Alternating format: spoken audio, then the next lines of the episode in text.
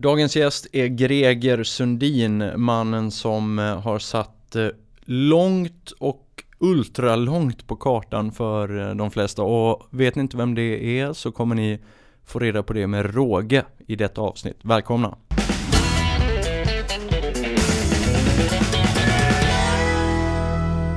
De flesta av er som lyssnar har kanske någon relation till träning eller någon relation till eh, hur det är att vara trött på något sätt. Och eh, i bästa fall så kanske ni har kört eh, Midnattsloppet, eh, Hässelbyloppet, kanske ett maraton. De kanske har sprungit, eller ni kanske har sprungit eh, eh en Ironman. Eh, och dagens gäst har liksom eh, tagit det där eh, uttrycket med långt och hårt kan man väl säga också. Men eh, framförallt tufft eh, till en annan nivå. Greger Sundin, han har nämligen kört multipla Ironmans på rad. och vi ska grotta lite mer i det där. Jag säger hej och välkommen Greger. Tack så mycket. Det där med multipla Ironmans på rad, berätta bara. Du, du har ju kört flera sådana här lopp men det är alltså man kör, du har både kört flera Ironman Eh, det vill säga eh, sträcker eller flera Ironman flera dagar på rad. Men sen har du också kört tävlingar där det är ihopbakat va? Det finns ju två varianter av det här. Det ena är att du helt enkelt påbörjar en armen och slutför en armen inom samma dygn. Dagen efter så gör du samma sak igen och så kan du hålla på både 10, 20 och 30 gånger så. Den andra varianten det är att du 10 eller 20 dubblar distansen så att du påbörjar då en eh, 10 eller 20 gånger längre simning än en vanlig armen för att sen direkt följa upp det med eh, cykling då och slutligen en väldigt lång löpning. Just det, så är det. Och kallas de här formaten på något olika eh, på något, ja, ja Den ena varianten kallas för Deca triathlon, det vill säga att du kör hela tiden och den andra heter Decaman och det kan ju både vara som sagt vara 10, 20 eller 30 gånger lite beroende på vem som arrangerar tävlingen och när de arrangerar tävlingen. För det är en är väl en tävling om året som är så pass lång i, någonstans i världen. Just det.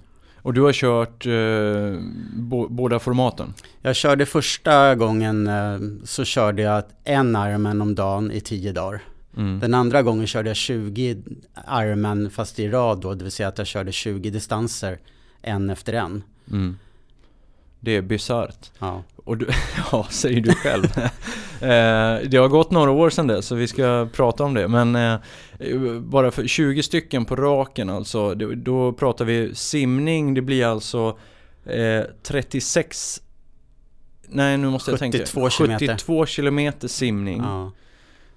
Sen, 360 mil cykel och 84 mil löpning. Ungefär.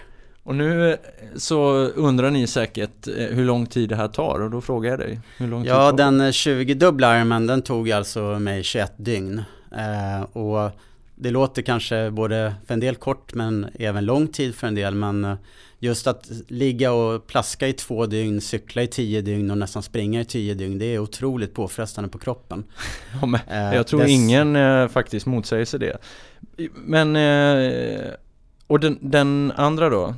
Med tio, den tar ju bara tio dagar då? Ja precis. Den Men andra där kör var... du ganska, det är ju inte så att du ligger och såsar utan du snittar på, vad snittar du en Ironman på Nej, då? Första gången jag gick in för att köra då en tio gånger Ironman då, då snittade jag nog på en 12-13 timmar per dygn. Ja. Eh, och man kan helt enkelt inte köra så hårt man vill varje dygn för då kommer man, kroppen kommer inte hålla utan man får försöka ha, hålla igen lite grann. Mm. Eh, och efter kanske 5, 6, 7 dygn då kan man försöka släppa iväg det lite grann med bättre tider om man har någon kraft kvar att göra det. Annars handlar det om att uh, hela tiden se till att kroppen håller, man ser till att man inte får skavsår som kommer göra så pass ont så att man blir lidande i löpning och så vidare. Och uh, helt enkelt hinna med att sova per dygn också. Alltså att, att man inte håller på 16, 17, 18 timmar varje dygn för då får du lite sova mellan tävlingarna. Men eh, vilken av de Ironman på 10 dygn där är värst liksom? Är det den första ah, eller den sista? Det börjar, alltså kroppen börjar ta stryk riktigt hårt efter 3, 4, 5 dagar. då är den väldigt sliten. Och eh, samtidigt så vill man då, har man kommit in i tävlingen så då vill man bara prestera samtidigt. Mm. Det vill säga, det är ju en tävling. Eh, de 10-20-tal som ställer upp i tävlingen, då börjar man ju helt enkelt se vilken position man har. Man räknar ihop tiderna för varje dag så att eh, då kanske man ser att man ligger mitt i fältet och vill, vill kanske ha aspirera på en eh, plats på podiet helt enkelt när alla mm. dagar är slut. Och det är ju jättetufft förstås och när man ligger efter kanske en 5-6 timmar efter fem dygn eh, att ta igen dem mot en motståndare. Men likväl som jag kan gå snabbare så kan de gå långsammare för att de börjar få problem med hälsan eller helt enkelt kroppen säger ifrån. Ja, för det är ju faktiskt så att du har ju inte bara ställt upp i de här tävlingarna utan du har ju faktiskt placerat dig också. Ja, precis. Eh, och första tävlingen jag ställde upp som var tio gånger en armen om dagen, det var ju bara att komma dit och försöka överleva. Och man lär sig väldigt mycket på att eh, gå från en armen till tio armen på tio dagar. Eh, utifrån andra som har gjort det förut och egna erfarenheter förstås. Eh, så att varje dag lär man sig nytt. Mm. vad som man, hur mycket kroppen tolererar i form av träning eller om man ska säga tävling och hur mycket man måste äta, hur mycket sömn man bör ha och så vidare. Men vad, du kom två eller tre där? Första året kom jag nog sexa ja, tror jag. Sexa. Ja. ja, just det. Och sen gjorde du den igen? Nej, året, två år sen, ett år senare, då gjorde jag 20 eh, armen på raken. Ah, vilket år var det här? Vad pratar 2011 var väl, nej 2009 var första gången jag gjorde 10 ja. Och 2010 gjorde jag 20 ja. Och 2030 gjorde jag 30 armen en om dagen.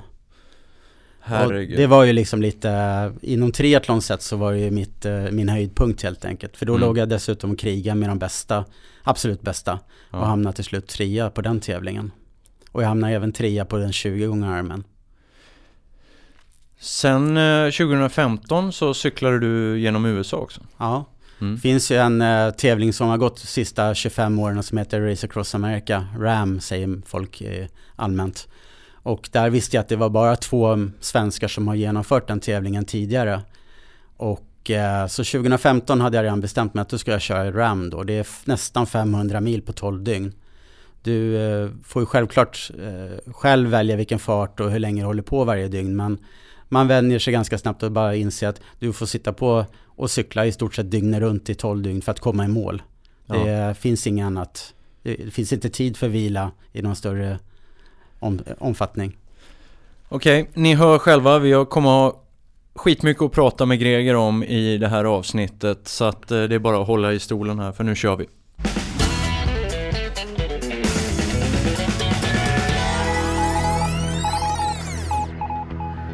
Unika människor presenteras av Compressport Kompressionskläder av högsta kvalitet. Som lyssnare får du en rabatt på compressport.se med koden UNIKA Välj Compressport för snabbare återhämtning, förbättrad prestation och för att förebygga skador. Vitamin Manager. Du är fortfarande unik och ditt kosttillskott kan också vara det. Använd koden 2017 för din första leverans för 95 kronor. Buff på köpet till alla nyteckningar på rabattkoden. Välkommen till vitaminmanager.com. Apollo Sports är Sveriges största arrangör av träningsresor och erbjuder träningshotell för alla intressen och nivåer. Kolla hashtaggen Apollo Sports för senaste update på Instagram.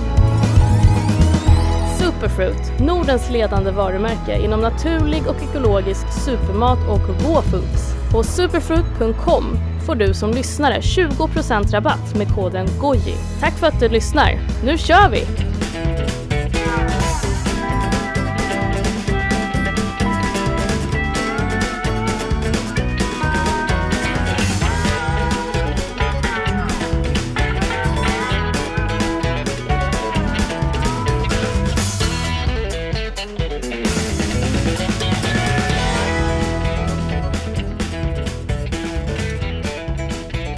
Tror många är lite nyfikna på vem du är egentligen och hur man kan eh, komma på de här galna tankarna att eh, utsätta sig för sådana här grejer. Eh, välkommen att berätta, vem är Greger Sundin?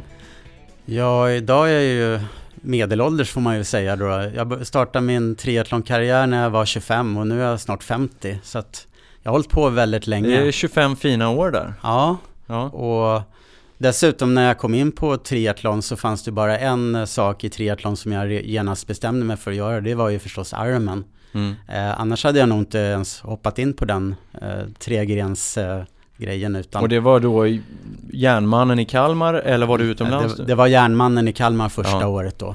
Just det. Eh, Vad pratar vi år här nu? Då är det 94 alltså, vill jag 94, minnas att det var. Ja. Och eh, jag eh, kom in i en triathlonklubb i Stockholm som heter Spiff Triathlon och eh, kunde inte kråla överhuvudtaget som många inte kan.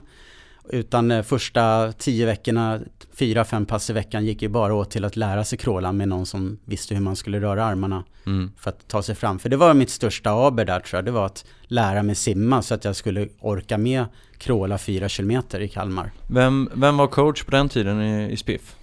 Det kommer inte jag riktigt ihåg. Ehm, det var en äldre herre som gick bort här för något år sedan. Ah. Vi, eh, för... Boa hette han. Boa. Okay. Bo Amnell. När jag kom in i Spiff-klubben, Spiff var min första kontakt med triathlon också och då var ju redan du där, det här var år 2005 kanske. Ja. Då minns jag att det fanns några rutinerade rävar där som redan kunde det mesta om triathlon. Eh, för man själv var helt ny, till, ny i sporten och då, då minns jag dig. Och ja. det var så vår första kontakt eh, faktiskt eh, kom. Ja. Eh, och sen har väl vi träffats genom åren egentligen på olika sätt. Men Greger, berätta, vad, eh, så när du kom in i triathlon, var du liksom helt ny till idrott eller var det liksom, du, du, du liksom bara fastnade för triathlon? För du du är ingen lagsportskille sa du innan. Nej, precis. Eh, lagsport är ingenting för mig. Eh, Nej. Utan jag kom in på triathlon för att jag hade redan avverkat åtminstone två av grenarna tidigare. Det var Stockholms Marathon i oändligt många år innan jag kom in på triathlon. Och dessutom några Vätternrunden och jag hade försökt att gjort några klassikergrenar också. Eh, dock inte Vansbro innan jag helt enkelt gick in för att börja köra med armen distanser istället. Så Vansbro bara gick bort. Ja. Eh, och redan första året, om det var nu 94, så kände jag att det här var min grej. Eh, dels presterade jag bra och jag mm. lärde mig simma hyggligt bra snabbt. Och jag hade de andra två grenarna som jag var på den tiden väldigt snabb i. Mm. Så att eh, simmomentet var det enda som jag kände sedan när man stod på startlinjen där att bara jag klarar det här så kommer det gå jäkligt bra resten. Ja. Och det gjorde det också. Triathlon på den här tiden var ju, jag tror att det var under 200 deltagare i Järnmannen mm. som senare blev Kalmar, Kalmar Ironman. Så att det är inte att jämföra med idag med 1500 eller 2000 deltagare utan mm. det var ju lite startfält och alla kände alla nästan. Och ni var egentligen eh, ansedda som eh, totala kufar av resten av världen? Ja, alltså jag ansåg mig själv, eh, eller när jag såg andra göra armen på Hawaii då på tv-sändningar, då ansåg jag att de var helt, ja, bortom all sans. Men ja. när jag själv stod där på startlinjen och stod, framförallt kom över mållinjen samma kväll, var jag ju liksom helt övertygad om att det här var tufft men jag kan göra det mycket snabbare, jag kan göra det bättre, jag kan träna bättre och planera bättre för att göra en ännu bättre tid. Mm. Och distansen avskräckte mig inte alls. Eh, jag var rent utav riktigt fräsch på kvällen eh, mm. efter, efter att komma i mål faktiskt. Och eh, det här var alltså 94? Sa du? Ja, det stämmer. Och när, eh, hur många Ironman gick det innan du började fundera på att du skulle köra mer? Mer än Ironman? Ja, alltså jag under några år så var jag ute och reste väldigt mycket, framförallt i Europa, men även borta i Asien, Kina, Malaysia och i USA, i Florida och sådär. Så att eh, jag vet inte exakt, men jag gjorde väl av med en 15-20 armen på några år där mellan 95 och 2006. Sen började det här intresset av att jag, åldern började göra sin rätt och intresset att bara åka omkring och göra armen i utlandet framförallt det, det avtog lite grann. Eh, så jag började faktiskt fundera över att börja med ultradistans i löpning istället. Mm. Kanske först och främst ge mig på någon 10 mila men inte ge mig där utan kanske ännu längre lopp i framtiden. Så att den här tankarna började nog komma 2007, 2008 eller någonting sånt där. Mm. Eh, 2008 vill jag minnas, då, då bara ramlade jag på att en annan svensk, Harry Martens från Göteborg, han hade gjort en 10 armen eh, non-stop-tävling 2008. Och då kände jag på en gång att går den här tävlingen igen, som gick då i Mexiko, så är jag den som kommer att stå på startlinjen året efter. Ja. Och det gjorde jag. Ja. Eh, dock var det en annan, eh, annan distans då. Det var helt enkelt en armen om dagen i tio dagar istället för non-stop-tävlingen. Mm. Men jag var lika glad för det, för det var kanske en bra inkörsport. Ja, jag tänkte säga det. Det är väl lite, upplever du att den typen av tävling är enklare så att säga än då köra tio Ironman på raken så att ja, säga? Ja, alltså, det vill jag nog påstå. Du kan ju, dels kan du ju anpassa farten så att du vet ungefär vilken tid du kommer ha på kvällen, på sluttiden. Mm. Och där, där, kan du också då avväga hur många timmar behöver jag sova, hur, hur, när och var ska jag äta och hur ska jag äta för att bibehålla någorlunda att kroppen håller liksom energimässigt. Kör du nonstop, då blir det ju genast så att du försöker kapa varenda sekund när du är ute och cyklar och springer och, och håller på till att eh, du, du du glömmer helt enkelt bort att äta och få i dig näring nog. Mm. Och du får ju själv bestämma när och om du vill sova. Och du gör ju också det valet ganska lätt att du skippar sömn, du skippar att ta den här korta pausen för att äta en måltid. Du försöker hela tiden vara i rörelse framåt. För det är det som man tycker då när man är på banan åtminstone är det vinnande konceptet. Bara du rör dig framåt så kapar du ju distans. Mm. Det kan ju vara så med facit i hand förstås att lite mer sömn, lite mer energi i flera omgångar per dygn skulle kunna göra din prestation mycket bättre och i slutändan även snabbare. Men det är lätt att säga när man är vid sidan om och har gjort loppen att jag borde ha gjort så eller si. Så det där var 2009 då? Precis. Och eh, då körde du 10 Ironman på 10 dagar. Ja. Eh, vad lärde du dig efter, efter det? Var det liksom en, var det en chock eller var det bara roligt? Ja, det var ganska mycket chock. Dels så lärde man känna väldigt mycket nya människor förstås i en helt ny typ av idrott. De här mm. är, som ställer upp i de här loppen, det är visserligen gamla människor som kört sina Ironman, men de har ungefär samma intresse idag att köra längre distanser. En del är ju väldigt mycket duktigare kanske på ultradistanslöpning eller cykla väldigt långa lopp och så vidare. Men förr eller senare så hamnar alla nästan i den här cirkusen. Mm. Och det är samma människor i stora hela år efter år efter år. Det tillkommer någon och någon faller bort. Men det är ett litet gäng helt enkelt, en liten familj. Mm. Och när du kommer till familj ska man ju veta också att när du kör de här långa loppen, om du så kör en per dag eller nonstop, så måste du i princip ha någon med dig som vet hur du fungerar. Tvinga på dig sömn, tvinga på dig mat, se till att du dricker hela tiden se till att din utrustning är okej. Okay, för du, självklart är det så att någon gång stannar du och pumpar hjulen och du byter kläder och du tar en dusch och du smörjer ja. in dig liksom så att du inte får problem med hälsan eller, eller en, eh, ja, att du får skavsår av, dumdristighet. Men um, så att du kom därifrån ändå ganska med blodad tand och kände att ah, men det här kan jag göra igen eller göra på ett bättre eller ja, bättre sätt. Ja. ja, första året, då, 2009, då råkade jag ut för någonting som hände dag fyra eller fem. Eh, troligtvis trampade jag snett någon gång under löpningen dag fyra eller fem. Mm. Så när jag kom, skulle gå upp dagen efter, då kunde jag inte stödja mig på foten överhuvudtaget. Oj. Eh, de har dock 24 timmars eh, jour kan man säga på plats, så att man kan alltid söka läkare på plats. Mm. Och de sa ju ungefär likadant, du har antagligen stukar eller har, en, har någon typ av eh, infektion i underbenet. Mm. Så att de sa väl redan på en gång att det här är väldigt illa, alltså det här är riktigt illa, så du bör nog inte fortsätta. Jag sa, jag ger en dag till. Mm. Och då fick de helt enkelt tejpa foten med, tejpa den riktigt i ett läge. Så jag kunde i princip inte röra fotleden. Mm. Och det fungerar ju bra när man ligger på den ambitionen att man bara ska klara så att säga 4000 meter simning och cykla. Löpningen mm. blev ju lite värre förstås. Det blev lidande av att jag inte kunde röra fotleden. Eh, och dag 6, 7, 8, det var ju samma situation. Jag fick till och med mediciner, alltså i antiinflammation inflammatoriska mediciner och till och med fick någon uh, spruta vid något tillfälle för att stå ut med smärtan och ja. helt enkelt kunna uh, röra mig framåt, framförallt i löpmomentet. De andra var inga problem att cykla och simma var inga problem med, även med det problemet så att säga. Och jag, jag, tror att jag till viss del mötte en viss respekt av de andra deltagarna som långt ifrån hade de problemen jag hade de sista fyra, fem dagarna av tävlingen. Att att han, han biter i ordentligt alltså för att mm. överhuvudtaget klara.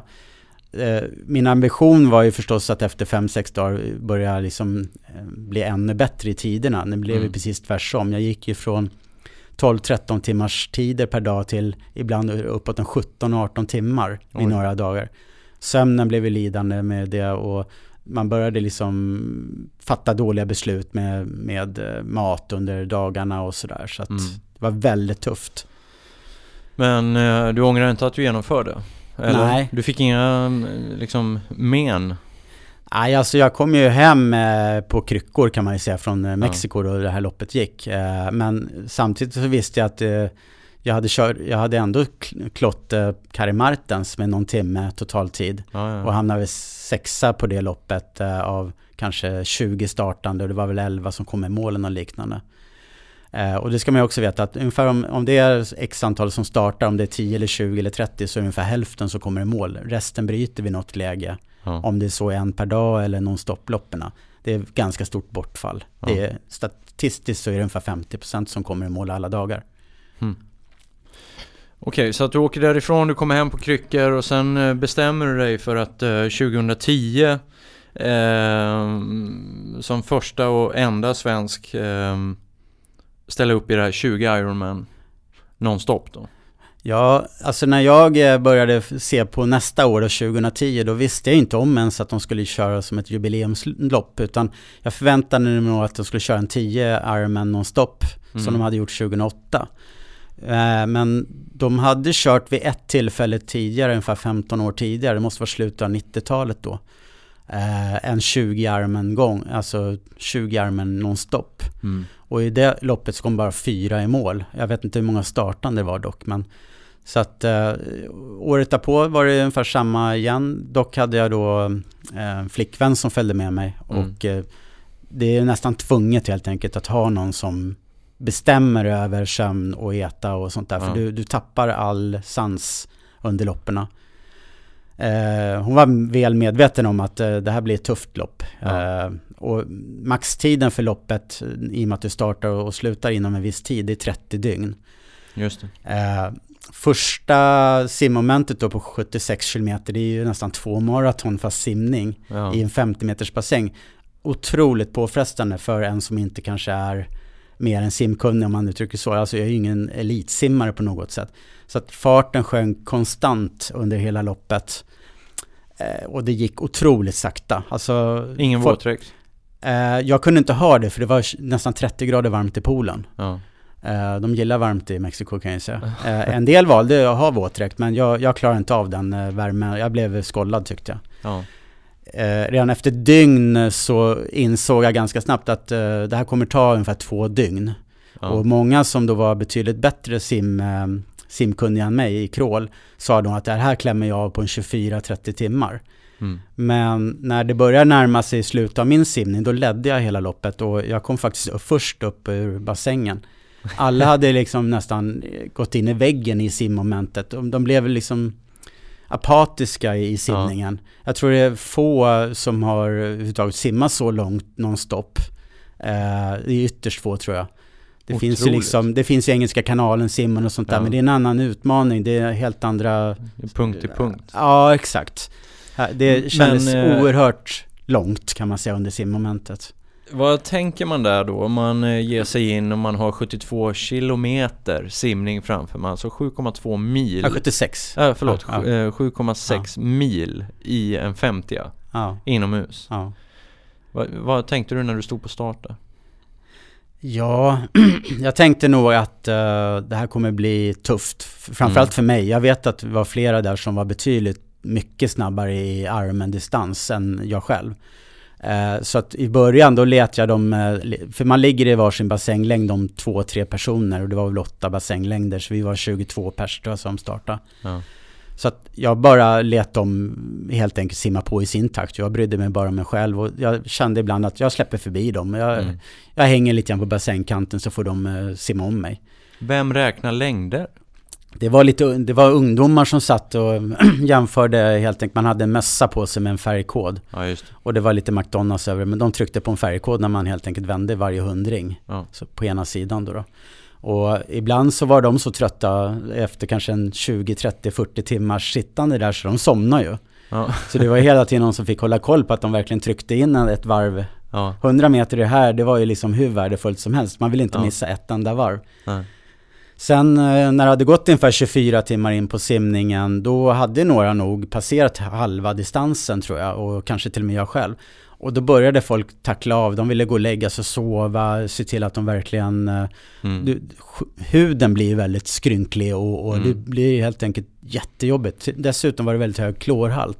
Folk Oj. fick problem med ansiktet och näsan och slemhinnor överhuvudtaget och till och med ögon då. Vissa kanske hade, var när de bröstsimmade i vissa distanser, inte hade simglasögonen på sig. Det satte sig i ögonen, man blev liksom blodsprängd i ögonen. Och, så jag försökte också göra den där pausen och, och gå och lägga mig helt enkelt. Men, och de här första 24 timmarna, hur, liksom, hur många timmar spenderade du i bassängen då? Nästan alla. Nästan alla? Ja. ja. Alltså i bassängen var det nog nästan princip alla. Det var något toalett, toalettbesök och någon när man skulle äta mat. Ja. För man fick ju ha energi vid bassängkanten i form av chips, godis, cola och andra sportdrycker och sånt. Men skulle man äta mat i den lagad mat mm. som organisationen eh, tillhandahöll eh, så fick du vara tvungen att gå ur bassängen helt enkelt. Du fick ja. inte slabba hur mycket som Nej. helst. Så att jag kan tänka mig första 24 timmarna var det nog 23 timmar i bassängen. Hur och andra dygnet då? Tog du någon längre paus? Sov du? Jag försökte ju sova efter ungefär 24 timmar. Eh, men judohallen som vi var tilldelade att sova i, den var ju också lika varm som bassängen. Så det var ju 30 grader varmt. Mm. Så jag bara låg och vred mig på mitt liggunderlag och det gick inte att ha någonting på sig som en filt eller något här. Så att jag bestämde helt enkelt, jag måste klara av den här distansen innan jag går och lägger mig. Alltså jag måste klara av simmomentet. Och det, många gick ju ändå och la sig och lyckades väl kanske till viss del sova då några timmar. Mm. Men det gjorde ju också att jag, som min taktik var också, att jag, jag avverkade kilometer efter kilometer efter kilometer. Så när jag väl klev upp ur bassängen efter 47 timmar så ledde jag ju med ynkliga 200 meter visserligen över tvåan. Men sen så var det ju då ett glapp på kanske fem timmar till trean. Oj. Eh, så då inser man så, och maxtiden tror jag för simmomentet var 72 timmar. Det var många som inte klarade det momentet. De, de, gav upp helt enkelt ja. under simningen. Att man får problem med axlar och man inte ens bröstsimmet fungerar och du är så ledlös. Mm. Eh, det är som att säkert vara ute i rymden för länge. Liksom du, du klarar knappt han, hantera kroppen längre. Mm. Okej, okay, så du leder när du kliver upp där och sen då är det alltså 360 mil? Cykel ja. Cykel? Ja. Det är, ja. det är ofattbart långt och när man då dessutom tänker att det här är, bassängen var 50 meter lång men cykelbanan är 2 kilometer i en park. Ja. Så det är 1900 varv i princip då i en park. Ja. Och det är för ens egen säkerhet att du inte ska komma bilister, alltså bilar. Det ska ju inte komma eh, så mycket gångare och andra cyklister och sånt i vägen. Var det platt eller? Ganska platt. Ja. Det, var liksom en, lite som en gokartbana fast eh, utan några större höjningar. Men du det var väldigt rå. ställa dig upp eller? Nej, Nej. Det, utan det var lite velodrom med vissa kurvor för som var lite tvär, tvärare. Det såg ut som lite som Barbapapa-bana om man säger så. Ja, ja. Och uh, i och med att jag hade jag har ju varit på samma bana då året innan när det var en Ironman om dagen. Så att jag kunde ju banan utan innan. Man lär sig verkligen vad varenda brunnslock var. Man ja. visste precis hur man skulle ta kurvorna utifrån att det inte var någon annan cyklist framför en. Och, eh, så att du optimerar verkligen varenda meter av banan hela tiden. Du, du är lite som Formel 1-förare, liksom. jag tror du försöker liksom hitta precis den perfekta linjen. Och eh, dessutom var ju varenda varv då, 1900 varv, det var vänstervarv. Så att du kan verkligen titta på däcket när du hade gjort hela det här 360 milen, att det var otroligt slitet på kanten på ena sidan och helt, andra sidan var i princip helt eh, ny. Punkar du någon gång? Eh, ja, någon punktering får man ju alltid, eh, det tror jag. Men eh, det kan ju bero på vad som helst. Men ja. inte många faktiskt, utan kanske en eller två punkteringar på den tävlingen. Okej, 360 mil vad, vad, mm, och du ledde med ja, ynka 200 meter. Men hur lägger du upp liksom 360 mil cykel? Vad, vad, hur gör man? Jag hade redan från början bestämt mig att jag antingen skulle cykla Ehm, 60 mil, eller förlåt 45 mil per dygn på en tid som jag då själv anpassade farten till och försöka hitta sömn som finns kvar då av dygnet.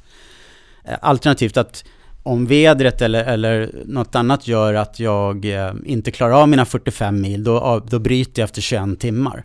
För jag måste ha tre timmars sömn bedömde jag själv då varje dygn.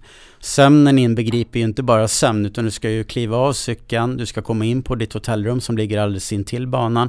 Du ska tvaga dig, Du ska plåstra om dig om du har fått något skav i, i cykelmomentet kan du få skav i häcken eller i du kan till och med få på fötterna för att fötterna svullnar väldigt mycket. Du kan vara så att du kliver av och är väldigt frusen. Det, det är kallare än man tror på nätterna i Mexiko. Ja. Och eh, överhuvudtaget, det kanske gick åt nästan en timme av tre timmars eh, sömn. Bara att tvaga, göra ordning sig, äta. Men, men kunde du somna sen? Jag, jag tvärsomnade varje, varje gång i princip. Ja, Alltså det, okay. det tog inte, jag, ibland somnade jag till och med i duschen. Ja. Bokstavligen, för jag satt ner oftast i duschen bara för att anpassa, så att jag fick vila i duschen istället ja. för att hålla på så. Så ibland fick ju flickvännen helt enkelt knacka på mig och säga nu har du duschat klart. Mm. För då satt jag så med duschen bara strilande. Och sen vaknar man och sen är det bara upp och på med grejer, nya ja, fräscha grejer. Nya fräscha grejer. Sov ju naken då för att liksom försöka ja. torka upp liksom kroppen. För det hände ju att det regnade och att det som sagt var väldigt kallt. Så det blev liksom lite ärrad i, i skinnet också.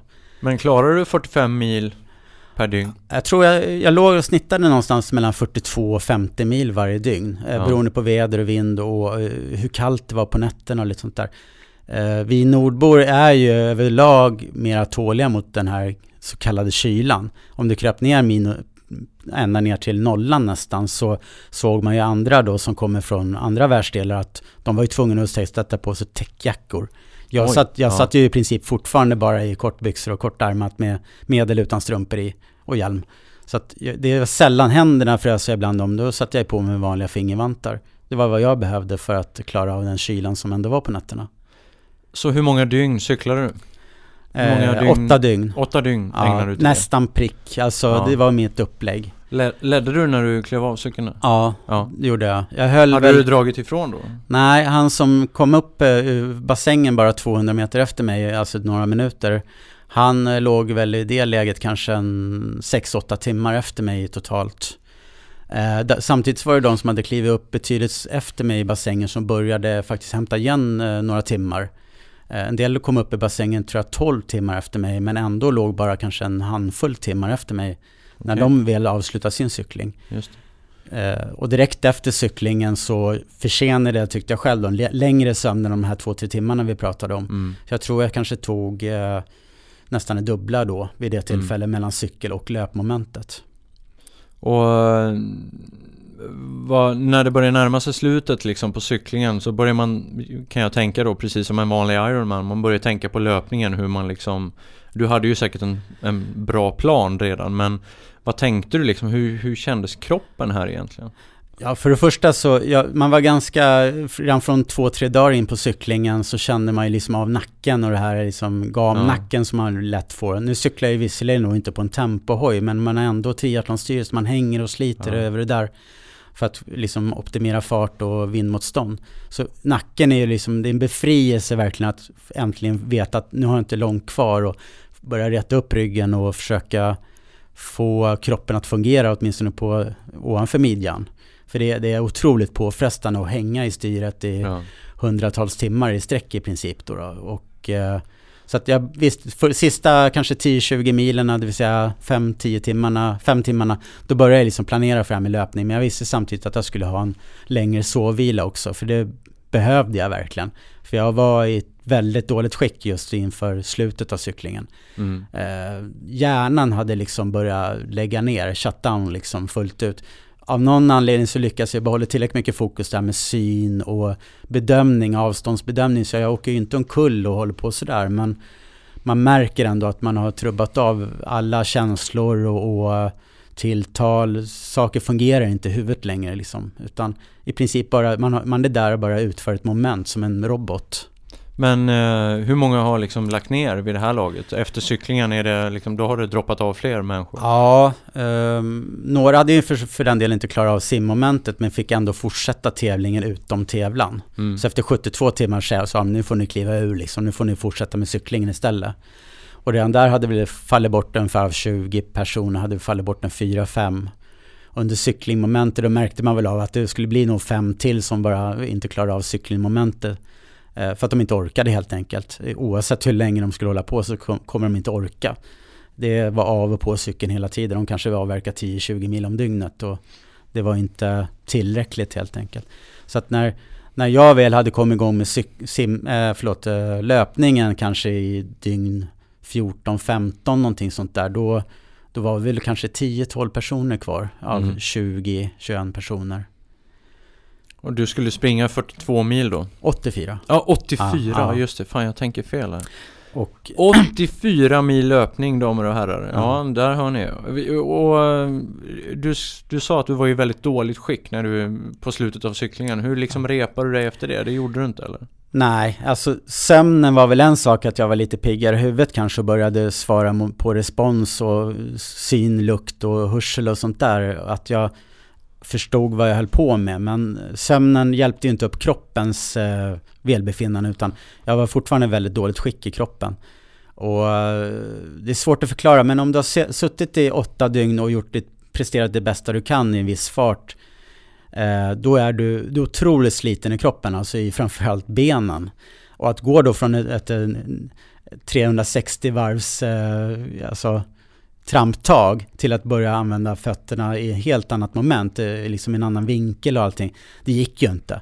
Så att första timmarna, halva dygnet, första liksom 12 timmarna, då kunde jag inte annat än gå och börja koncentrera mig på att äta upp mig igen, alltså äta så mycket som möjligt. För då, när man väl går, då kan man ju ha, hela tiden ha en pappmugg med mat i. Ja, en pasta eller vad som ja. helst, eller chips i handen eller vad som... Och man kan bära med sig en flaska så man hela tiden ser till att man eh, fyller på energin. För det var ju självklart så också att jag fuskade ju på nätterna framförallt med energi införseln. Så mm. jag var ju värre skick när jag väl klarade av cykeln efter mina, skulle sova tre timmar när jag klev på. För att eh, jag åt alldeles på tok för lite. Mm. Jag tror vid det laget hade jag gått från 73 kilo till 62. Så jag hade förlorat 11 kilos kroppsvikt. Men på, du, det här har du tagit höjd för, så du åt upp dig innan racet? Jag visste ju från året innan att man går ner något kilo. Eh, något att, kilo bara? Ja, men år, året innan då när jag gjorde det här tio gånger armen, ja. då kanske jag förlorade fem kilo. Så det är klart ja. jag hade ätit upp mig kanske en fem kilo. Tänkte ja. att bara jag går upp fem kilo innan, inför tävlingen så kan jag kanske hålla min normalvikt. Men det bara droppade mer och mer och mer. Så att eh, som sagt från 73 till 62 kilo efter kanske 12-13 dygn in i tävlingen, efter cyklingen. Men när jag väl kom av cykeln och kunde koncentrera mig på att gå då i första hand då hade jag även möjlighet att se till att jag proppade i mig mycket kalorier. Så då stabiliserade jag först och främst vikten och började även gå upp lite grann. Något, kanske 1-2 kilo första två dygnen. Men det är svårt också att pressa i sig mat eh, när man ändå eh, hela tiden ska vara igång. Men alltså 360 mil um, cykling är ju, alltså när man, jag bara tänker på så här Löpningen i Ironman det är jävligt långt, eh, 42 kilometer. Men 84 mil löpning, det är liksom helt... Det är, det är ju snudd på tokigt liksom. Men man, man ger sig in i de här eh, distanserna med ungefär samma som Ironman. Jag ska klara av simningen. Jag tror de flesta tänker så här att bara jag med cy cyklingen så har jag bara löpningen kvar. Mm. Och lite så blev tanken för mig också. Löpningen gick ju då på insidan av den här två kilometers cykelbanan i motsatt riktning. Och i och med att jag var då ute på löpningen först av alla efter cyklingen så såg jag alla de andra deltagarna inte bara en timme eller några timmar utan vi pratade ju om flera, flera dygn. Alltså fem, mm. sex, sju dygn så var de fortfarande ute och cyklade. Mm. Eh, Medan jag höll då på och försökte genomföra någon typ av löpning på insidan av den här cykelbanan. Kunde du börja springa till slut? Så efter två, tre dygn då började jag jogga. Ja. Eh, fram till dess så var jag bara fokuserad på att jag måste röra mig framåt så ja. mycket det bara går i den takten jag förmår. Ja. Och det blev ju inte ens en powerwalk utan det blev vet, 4-5 km i timmen kanske man kunde klämma av. Men visste man, höll jag på även i den takten 10, ja, 20 timmar, då, då kan jag klämma nästan 10 mil. Det, det är svårt att förstå det där, men samtidigt kan man ju inte bara sätta sig ner på vid sidan om och tänka att fan vad dåligt det går, jag kommer inte orka eller det här kommer aldrig lossna. Utan bara jag presterar hela tiden framåt så det är så man tankarna går. Mm. Uh, och jag började också för, liksom komma lite mer i medvetandegraden så att säga, så jag förstod mitt eget bästa. Just med äta, dricka, sova. Uh, på, på, cyklingen där tappade jag det på, någonstans ute efter vägen. Ja. Uh, dock, det som hände då på, på löpningen, det var ju det som hände nästan alla. Det började bli skavsår. Ja. Eh, ännu mer tror jag om du inte är van att powerwalka väldigt mycket. Utan jag är ju van att jogga i mm. 8, 10, 12 km i timmen. Mm. Eh, vilket inte var på tal om här i den här löpmomentet i första dygnen. Utan då går du på ett annorlunda sätt mot vad du är van vid. Och går du 20 timmar i den ovana situationen, då får du skavsår. Ja. Så jag fick ju väldigt mycket skavsår, framförallt i den övre delen vid anklarna nästan. Helt enkelt skorna satt och glappade där kan man ja. säga. Så det var ju väldigt mycket omvårdnad av fötterna. Det var ju liksom prio ett nästan, förutom kost, att få i sig energin. Att inte få värre blåsor än vad man redan hade. Och de blåsorna var bara sätta på nytt plåster och se till att de höll sig i schack. Vad, hur mycket, liksom, hur mycket smärtstillande intar man under ett sånt här lopp? Får man göra det eller? Man får ju ta all hjälp som läkarna får ge, om man säger ja. så. så. Och de har ganska höga Eh, de, de har ganska mycket saker de kan ge en som då i, i den här tävlingen är lagliga. Det är liksom inte frågan om doping då, utan de Nej. får till och med ge då ja, mediciner som dämpar smärta och sådana här saker. Jag mm. vet inte exakt vad de höll, innehöll faktiskt, men de sa väl åtminstone att det skulle liksom vara på rätt sida om ja. det är inga dopingklassande medel och sånt där. Tog du emot något sånt? Eller tog du något eh, sånt? Ja, jag tror inte att jag gjorde det på... Första året gjorde jag det när jag fick mina, mitt problem med ena foten. Det, det mm. gjorde jag. Då fick jag någon typ av morfintablett under tungan vet jag. Någon liten jäkla pastill. Och mm. den dämpade, alltså den gjorde susen ordentligt. Mm. mm. Eh, bara efter kanske 10-20 minuter så kändes det nästan så att man inte hade satt i foten längre. Så det, det, är klart att det är väldigt... Det enda du inte får ta emot, så att säga, om du inte vill bryta tävling, det är dropp. Du får inte inta Nej, dropp okay. i, i, egen regi eller med läkarens liksom, Då Nej. har du brutit loppet. Okay. Kommer du tillbaks efter två dygn och tycker att jag vill fortsätta, då får du göra det utom tävlan. Ja. Så är det ju, men eh, då har du ju som sagt var brutit också. Hmm. Men, ehm, och så när börjar du liksom se ljuset i tunneln under löpningen här då? Vad var liksom 84 mil är ju ändå eh, ganska lång distans när, när det, jag, jag, min flickvän hon sa så här att eh, Greger du är så dåligt skick nu både med fötterna och din löpstil är ju under all kritik. Så hon sa det att du leder visserligen tävlingen men till vilket pris? Mm. Och de som hade klivit av cyklingen en, som sagt var fem timmar efter mig eller något liknande, de visste jag, någon av dem visste jag att de var bättre löpare än mig om någon kunde springa och någon, någon av dem kunde göra det. Mm. Så att tre, fyra dagar in på själva löpmomentet då var jag, i, alltså då var jag inte ledare längre utan då tror jag låg två eller trea. Eh, och jag visste att det var ytterligare en som var på gång att komma ifatt mig. För du kan inte påverka din fart utan det är bara försöka hålla igång så mycket per dygn som det går. Och så märker du att de andra har kanske 30% högre fart. Mm. Då är det bara att räkna baklänges. Så att då vet man att inom två dygn är de ifatt mig. Om inte de också drabbas av något problem. Så flickvännen hon sa det, jag tror det var dygns 15-16 det vill säga kanske 3-4 dygn in i tävlingen. Att nu, antingen kliver du av tävlingen helt och hållet, jag bryter nu, här, nu. Alltså. Ja. Annars så tar du 24 timmar off. Okay. Alltså du måste kliva av banan och, ja. och återfå dig själv. Ja. Så att uh, mitt under tävlingen, och folk tittade ju väldigt besynligt på så jag låg ju som sagt var fortfarande tvåa. Då går vi tillbaka till hotellrummet mitt på dagen. Och ja. just att det var mitt på dagen, då var det ju liksom både anhöriga och de tävlande undrar vad gör han nu för någonting. Kommer, till, kommer ut efter två timmar, med civila kläder, alltså inga sportkläder alls och lågskor. Eller om jag hade tofflor hade jag. Och sen gick vi ut i parken, alltså ut på gatan och det såg ju de kanske någon då. Och sen var vi borta från tävlingsbanan i 20 timmar till. Ja. Det, det, vi gjorde det var att vi gick ut på gatan, tog en taxi till ett uh, buffébord uh, långt utanför den här parken. Och jag tror jag satt och åt där kanske tio tallrikar med mat ja. under två timmar tills det inte gick att proppa i sig mer. En öl tog jag också tror jag. Ja. Och sen var det taxi tillbaks och sen var det, jag tror det var minst 12 timmars sömn i ett streck. Ja. Eh, duscha hade jag gjort också innan sådär. Och så när jag vaknade var jag så jävla törstig och sen var jag så jäkla hungrig igen. Så det var liksom bara att inta ännu mer mat. Men sen när jag väl klev ut då på banan efter nästan 24 timmar från banan, då började ju folk verkligen undra, vad tog han vägen? Då kunde jag för första gången under den här tävlingen springa. Mm. Eh, fortfarande ingen liksom jättesteg, men det var liksom, gick från gång 4-5 km i timmen kanske till jogging 8-9 km i timmen. Mm. Och det gjorde ju också att jag lyckades liksom avancera i fältet om man säger så, mm. från att jag hade varit borta ett dygn. Så jag, jag började liksom säkra min tredje placering. Mm. Även om vi krigade om den ordentligt, jag och en dansk. Okay. Och det var ju också det här, alla, alla på banan som tävlar, alla känner i princip alla. Och de anhöriga känner varandra också. Man pratar med, alla pratar med alla. Mm. Och det är liksom slutet sluten familj om man säger så, av kanske totalt 50 personer. Så visst, man kan inte namnen på alla som är anhöriga till de som tävlar, men namnet på alla tävlande och man pratar. Eh, väldigt mycket med varandra under den här så kallade jogging eller gången då. då. De som framförallt kan engelska eh, bra så pratar man ju väldigt mycket långa stunder. Ibland gick man ju bara med någon eller joggade bredvid någon åtta timmar och fick ju halva livet upp, berättat för sig. Men jag tänkte fråga dig, man, man är inte tillåten att ha någon form av iPod eller, eller förlåt, ja, någon uh, musikspelare eller liknande? Uh, jag valde ju inte att ha det, men jag tror att man får ha det så länge man eh, bedöms då att man har koll bakåt och sånt där, så att man inte ja. liksom vinglar på banan. Ja, I och med att det är då en park så finns det liksom inte så många riskmoment i form av... Men på cykeln tänker jag? Ja, även på cyklingen ja. så tror jag man får.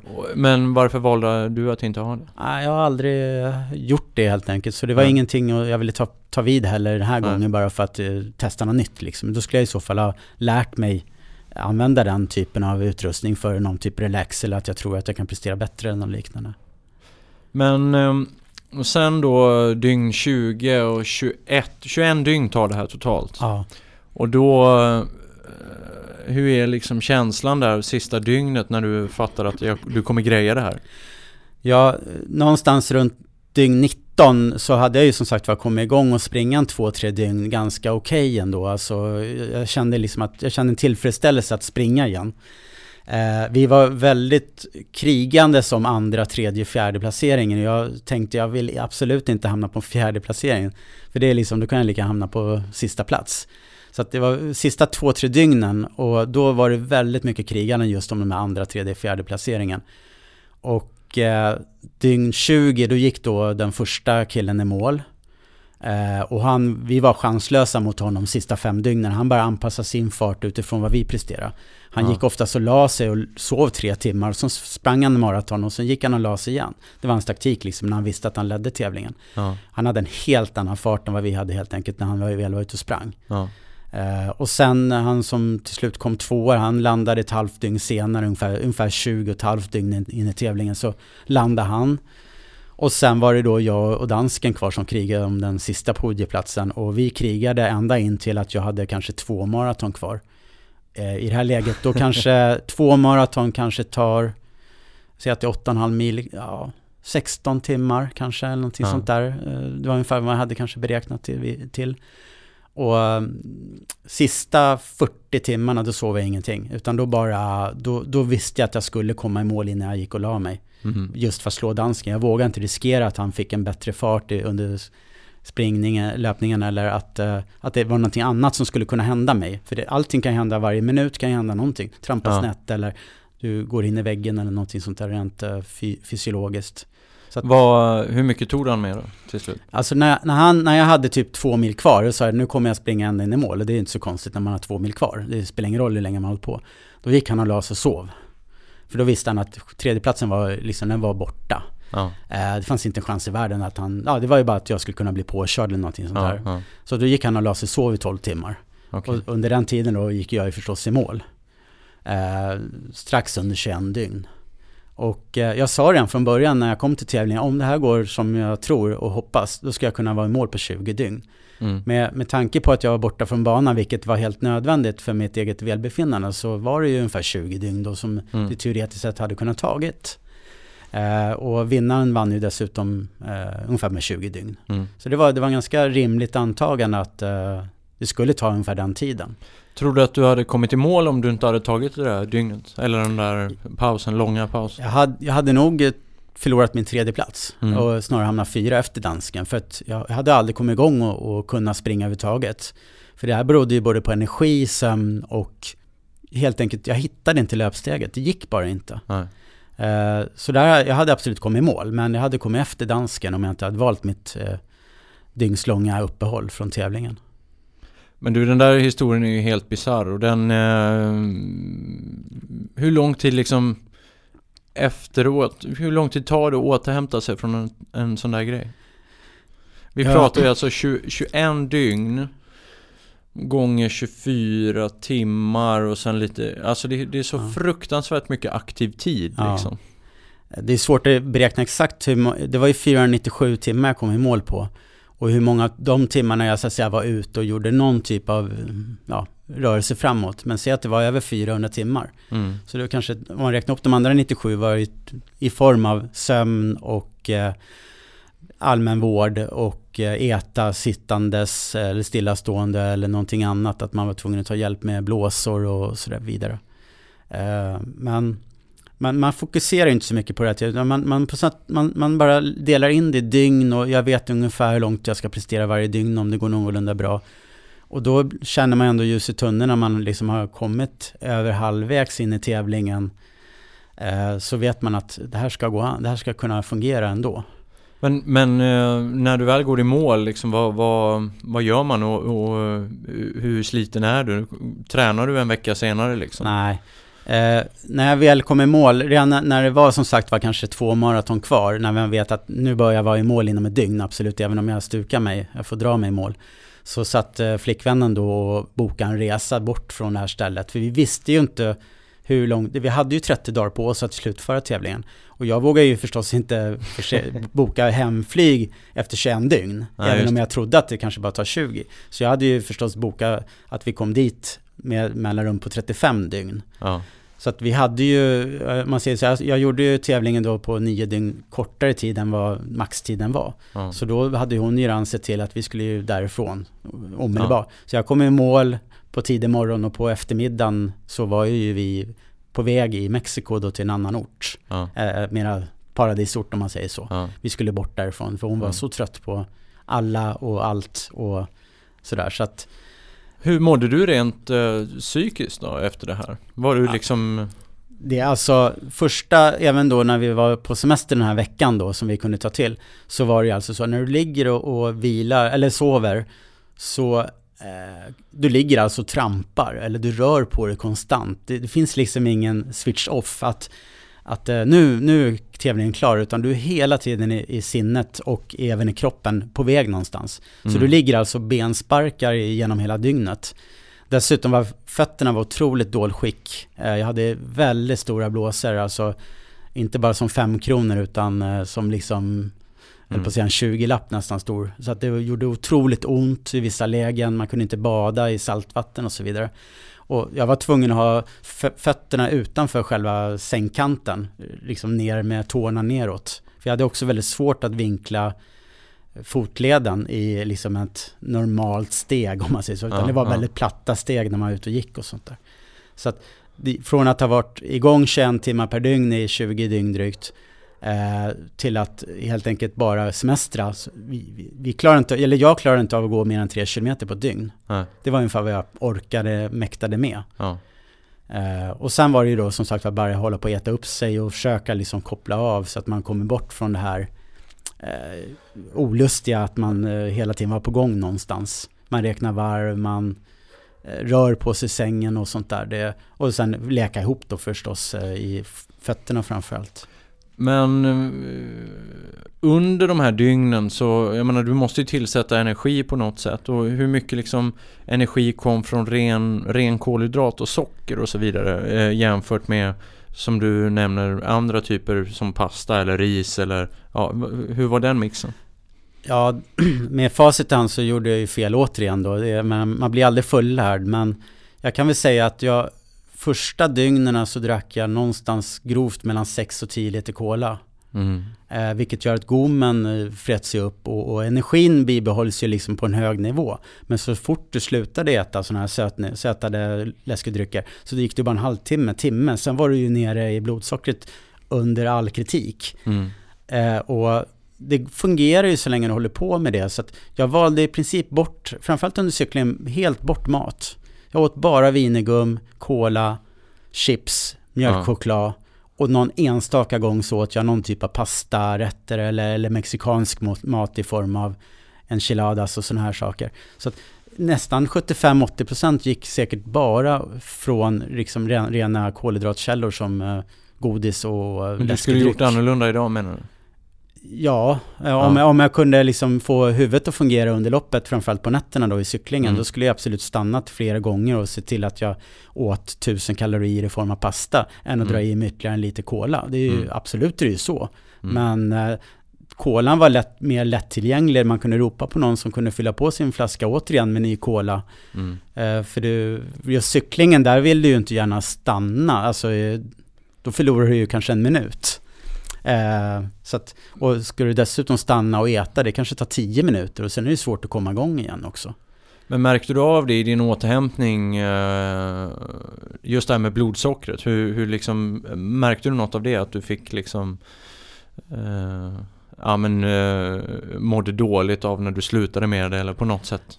Ja, på natten om, om, jag, om jag var utan cola, säg två timmar eller någon annan typ av godis eller någonting sånt där. Ja. Att jag helt enkelt bara satt och cyklade. Ja. För att jag inte orkade eller bad om hjälp för att få mer energi. Då märkte man ju på farten på en gång att eh, man började liksom gå ner sig rejält i fart och eh, orken tröt ju ganska rejält och, och du började frysa och ja. sådana här bitar. Uh, man ska ju veta också på dagtid var det ju runt en 30-32 grader. Uh, och då brukar man säga så här i skuggan, men det fanns ingen skugga mitt på dagen utan solen var ju rakt i zenit. Mm. Och du, när, både när du sprang och, och cyklade, liksom, du, du var väldigt utsatt i solen helt enkelt. Det var, det var inte 40 grader, men det var, det var liksom höga 30 grader i solen. Alltså. Det var otroligt påfrestande. Så att du var ju tvungen att dricka väldigt stora mängder också, ända upp till kanske en liter i timmen nästan. Men eh, jag tänkte på återhämtningen efter. Kände du, var du sockerberoende när du klev av loppet? Alltså när du, när du hade gått i mål? Kände du liksom att... Eller du bara la ner all den ja, typen jag av... tror jag, så, så, fort jag var i mål och vi hade, var på resande fot i, i, ja. i Mexiko. Då tror jag att jag la bort allting som heter kolhydrater i, i liksom ja. dålig form om man säger så. Ja. Utan då var det ju bara liksom äta mat, riktig mat, mm. lagad mat. Uh, inte bara pasta utan ja, allting från sushi och eh, andra rätter liksom till, som inhemska rätter och sånt. Mm. Så det, det, var ju verkligen, jag var så trött på allting med läskedryck och, och godis. Det var det ju verkligen. Jag tittade inte ens åt det hållet, även om det fanns i, inom räckhåll. Um, så det där äventyret var ju, nu, nu fastnade vi väldigt mycket där, men jag tycker det var väldigt spännande för sen året um, eh, ja, det, det, går några år däremellan, ja. men sen 2013 så väljer du då att köra 30 Ironman på 30 dagar. Ja. Det vill säga en Ironman om dagen i 30 dagar. Precis. Och det, har någon svensk gjort det? Nej, det är ingen i världen innan den här tävlingen som har gjort någonting Nej. som... Eh, när vi kom i mål då på den här 20 då var vi alltså fyra i mål inom 22 dygn. Dansken kom fyra och sen var det tre till och det var, av dem så var det två italienare och en spanjor de höll liksom ihop. Eh, någon kanske ledde med ett helt dygn i, liksom dygn 22. Men när de väl passerade mållinjen efter 29 och ett halvt dygn, då var de liksom, liksom tre vise männen, för de kunde inte prestera någonting annat än gå. Så de gick liksom 80 mil. Mm. Vilket tog otroligt lång tid för de såg till att även få sova och sånt där. De hade liksom gett upp tävlingsmomentet. Ja, de ja. ville bara vara någon som slutförde tävlingen. Två av dem som sagt var italienare och ytterligare en italienare var på plats det året fast körde en kortare distans. De tre italienarna det var de som sen startade upp där 30 Ironman på 30 dagar. I mm. Italien dessutom då. De tyckte att, att många reser väldigt lång väg till Mexiko och lägger, spenderar väldigt mycket tid och sånt. Så att, och de flesta som ställer upp i tävlingarna är antingen amerikaner eller eh, europeer. Så de tyckte att nu var det dags för Europa att visa att vi, de också kunde prestera en tävling Eh, och då ville de dessutom göra att istället för bara en tia eller göra repris på samma tävling igen, då kör vi liksom någonting som aldrig har körts förut. Och då blev det ju så att de körde en 30 armen. På 30 dagar? På 30 dagar. Och när de, eh, de körde en förtävlan året innan, 2012, och då eh, tror jag de var på Sicilien eller någonting, så de körde en tia, bara för att se att själva teknik och, och mm. hur, hur, helt enkelt intresset var för att köra 30. Men så fort den tävlingen var klar så la de ju ut då att nu kör vi 30 armen. Hur många anmälde sig till den? Det var runt 20-talet. Ja. Ehm, och återigen, av de 20 så visste jag genast om vilka 12-15 stycken var namn och jag hade tävlat mot dem förut. Ja. Så det var en handfull, sju personer kanske som jag aldrig hört talas om i, till namn eller sådär. Sen kunde man googla på dem och såg att de inte var några noviser de heller, utan de hade kanske gjort något annat i livet innan dess. Så som uh, ultradistanslöpning eller något sånt. Man, kan inte räkna bort någon bara för det. Men här så... Vad jag slås av, för, för jag vet att jag följde lite det där då och slogs av att det du, du genomför alltså en Ironman varje dag i 30 dagar på ett väldigt bra snitt. Ja. Enligt mig. Jo. Vad, vad hade eh, du för snitt? Eh, jag hade väl någonting på 12,5 timme tror jag mm. i snitt. Um, först, återigen som det var också att första dagarna då börjar liksom kroppen säga ifrån. Efter en 3-4 mm. dagar in i tävlingen då, då börjar liksom det komma problem helt enkelt. Det leder och sånt och knäna gör ont och ryggen gör ont och sånt där. Men sen börjar man ju falla in i, i, i vardagen om man uttrycker sig så. Så man börjar anpassa farten precis lagom för varenda moment. Man simmar på, det var också bassäng, man simmar på runt timmen. Man anpassar farten så att man cyklar på, lite beroende på väder och sådär, men runt 6-6,5 timme max. Ja. Eh, och sen försöker man genomföra löpningen, inte, man tar inte så mycket på tiden där utan ett lagom bra joggingsätt helt enkelt och försöka låta bli att stanna. För det är alltid svårt att komma igång varje gång man har stannat. Man sprang liksom genom hela maratonen om det gick. Och då landar det runt en Vissa dagar runt en 5-6 timmar men vissa dagar neråt 4, 15, 4, 30 tider och sånt där. Mm. Eh, tio första dagarna då, då hade jag problem. Alltså det blev värre och värre och värre problemen. Det började, tiderna blev sämre, fick lite magbesvär, svårt att behålla föda. För då försökte man ju äta bättre helt enkelt. Man försökte inte ja. bara leva på kolhydrater utan man försökte äta. Men ibland kom det upp och det var liksom lite sådana små saker som gjorde att det besvärade en. Och, eh, men samtidigt så höll jag mig ganska bra i eh, position så att säga, till skillnad från många andra. Att jag kunde anpassa min fart ganska väl varje dygn så att det inte drog iväg för mycket åt det ena eller andra hållet. Mm. Kände jag att jag gick på lite för hårt i cyklingen bara för att man kände att det här var en toppendag, då höll man igen för då visste man att man kunde få det tillbaks i, i form av en bättre, ännu bättre hälsa dagen efter. Men var det samma upplägg? Ni simmade i bassäng varje dag och cyklade en rundslinga? Ja, uh, man kan väl säga att det var en rundslinga. Man fick cykla ur en, det var återigen en park då som man simmade i. Och sen så cyklade man ut någon kilometer och sen så körde man fram och tillbaks då på en allmän trafikerad väg. Okay. Eh, om man säger jämförbart med Sverige, en tresiffrig väg, alltså en mm. relativt liten väg med relativt lite trafik. Så att, men det var, ändå, det var ändå trafik, så man fick ju liksom inte göra massor med konstiga, dumma rörelser i trafiken. För det kunde ju komma en bil i 70-80 som inte förstod att man eh, släppte handtagen för att dricka mm. eller någonting. Så att man fick vara lite mer alert. Och hur sprang ni? Sen sprang vi in i parken, in i parken. Eh, mm. mer eller mindre runt den här bassängen då, då. Och cyklingen var oftast en 5 eh, km slinga och löpningen var antingen eh, 800 meter eller 1500 meter lång. Men varje dag var ju en tävling egentligen. Så att varje dag gemensam start och gemensam målgång liksom. Ja, ja. det stämmer. Så att eh, varje dag fick du en placering liksom. Ja. ja. Eh, I, som, de första dagarna då brydde man sig inte mycket annat än bara försöka hitta sitt tempo, vad man var tränad för och så att man inte drog på sig onödiga skador. Men jag såg, jag, även jag snirklade ju förstås på förra dagens resultat och total tid och sånt för att veta mm. ungefär var jag befann mig i, i resultatlistan. Vann du någon dag? Ja, efter tio dagar så började det liksom oförklarligt, det började lossna liksom för mig. Eh, från att ha legat kanske på snarare 14 timmar per dygn anpassad fart. Mm. Så kände jag att det började liksom, det kändes bra den dagen, dag 10. Så då, då lät jag liksom flytta på lite bättre om man säger så. Jag, jag höll inte igen. Mm. Så då gick väl cyklingen säkert en halvtimme snabbare och, och löpningen eh, lyckades jag verkligen hålla steget hela vägen.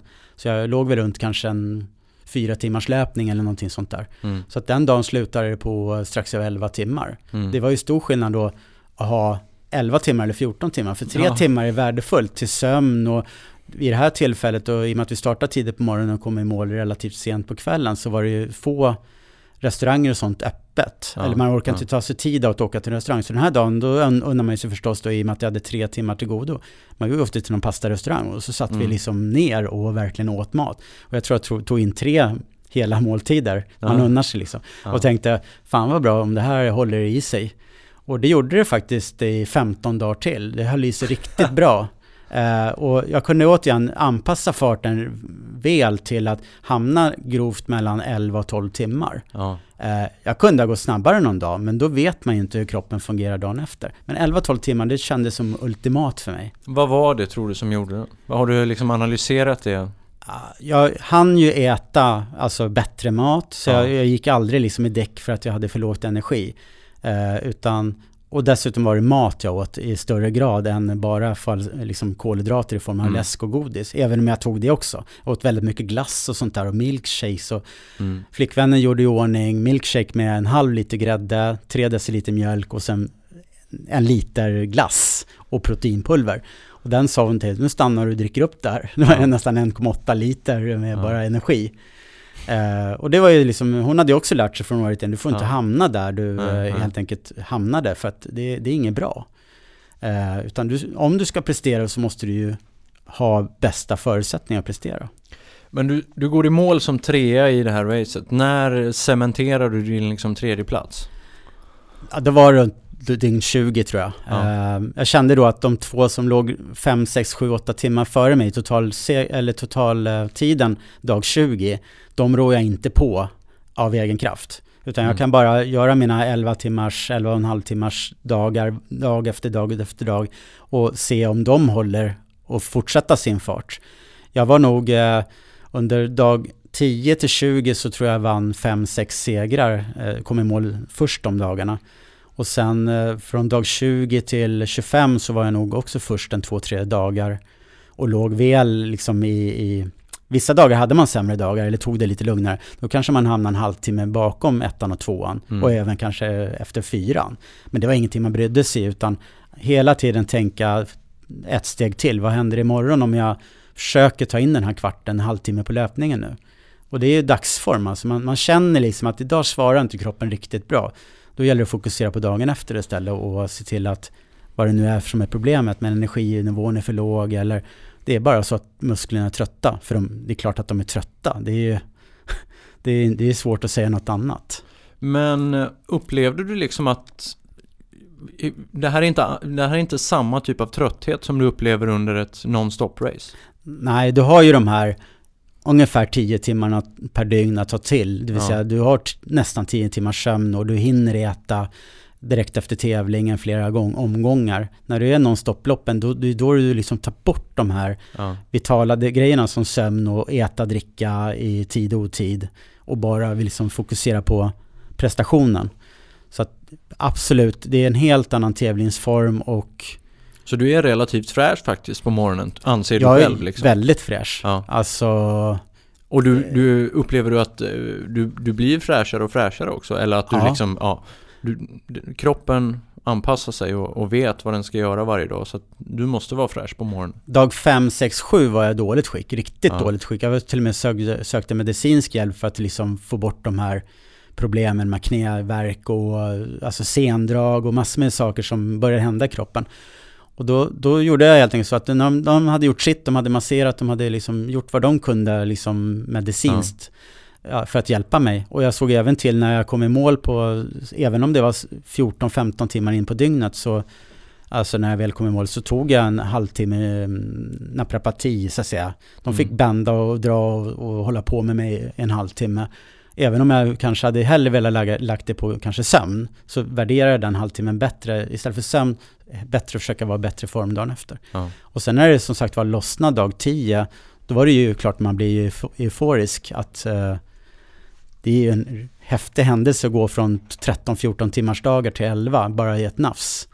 Och sen då dessutom fortsätta med det mer eller mindre med anpassad fart då, mellan 11 och 12 timmar varje dygn i stort sett resten av tävlingen. Eh, så det var ju en otroligt bra känsla. Så dag 5, 6, 7 var det värsta. De bästa dagarna var ju ja, mellan dygn 10 och 25. Sen började de sista dygnen det blev vädret sämre och det började liksom bli Istället för att finna lyckan av att nu är det bara fem dygn kvar, det är bara fem Ironman kvar, så kände man snarare en frustration att ta det aldrig slut.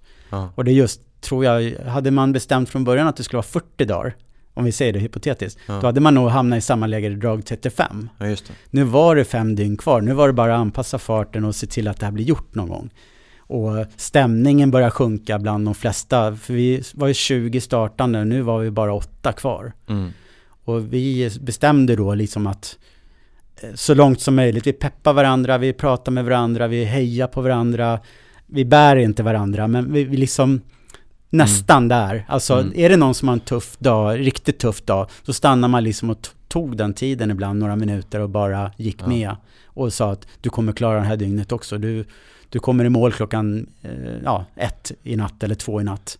Och du får bara fyra timmars sömn, men du kommer att vara på startlinjen imorgon igen. Så det, det är tufft alltså för de som också hamnar i det läget just att sömnen och möjligheten att återhämta sig blir väldigt liten. För att de har väldigt dåliga dagar och det blir en ond spiral också förstås. Vissa mm. låg på grovt 17, 18, 19 timmar per dygn sista 10-15 dygnen och det är de som blev mest slitna. Inte vi som lyckas bibehålla en god fart varje dag. Men du går i mål den här tävlingen och, och du kommer på en tredje plats. Eh, och jag tänkte bara se lite andra sidan av allt det här att bara det att vara borta i 30 dagar på annan ort, ja. på samma ort och göra det här sam på exakt samma sak i 30 dagar i sträck. Det krävs en viss typ av liksom huvud för det.